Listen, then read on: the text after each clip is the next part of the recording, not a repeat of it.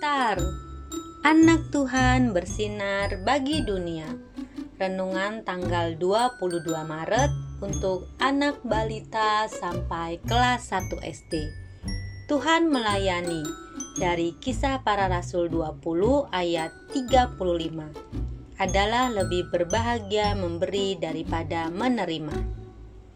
Melayani, melayani lebih sungguh.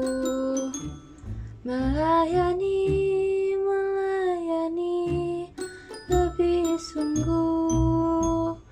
Tuhan lebih jauh melayani kepadaku.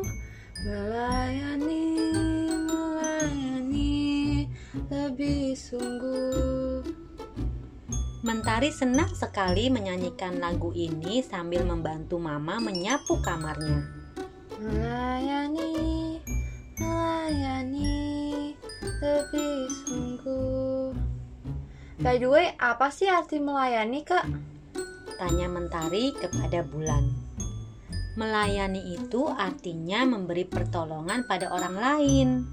Kalau aku mengambilkan makanan untuk papa, itu aku melayani ya, Kak? Nah, betul. Tuhan Yesus sudah melayani kita lebih dulu. Jadi, kita sekarang melayani orang lain. Oh, begitu ya, Kak? Aku mau melayani terus seperti Tuhan Yesus. Adik-adik, apakah adik-adik juga mau melayani? Apa ya yang akan adik-adik lakukan?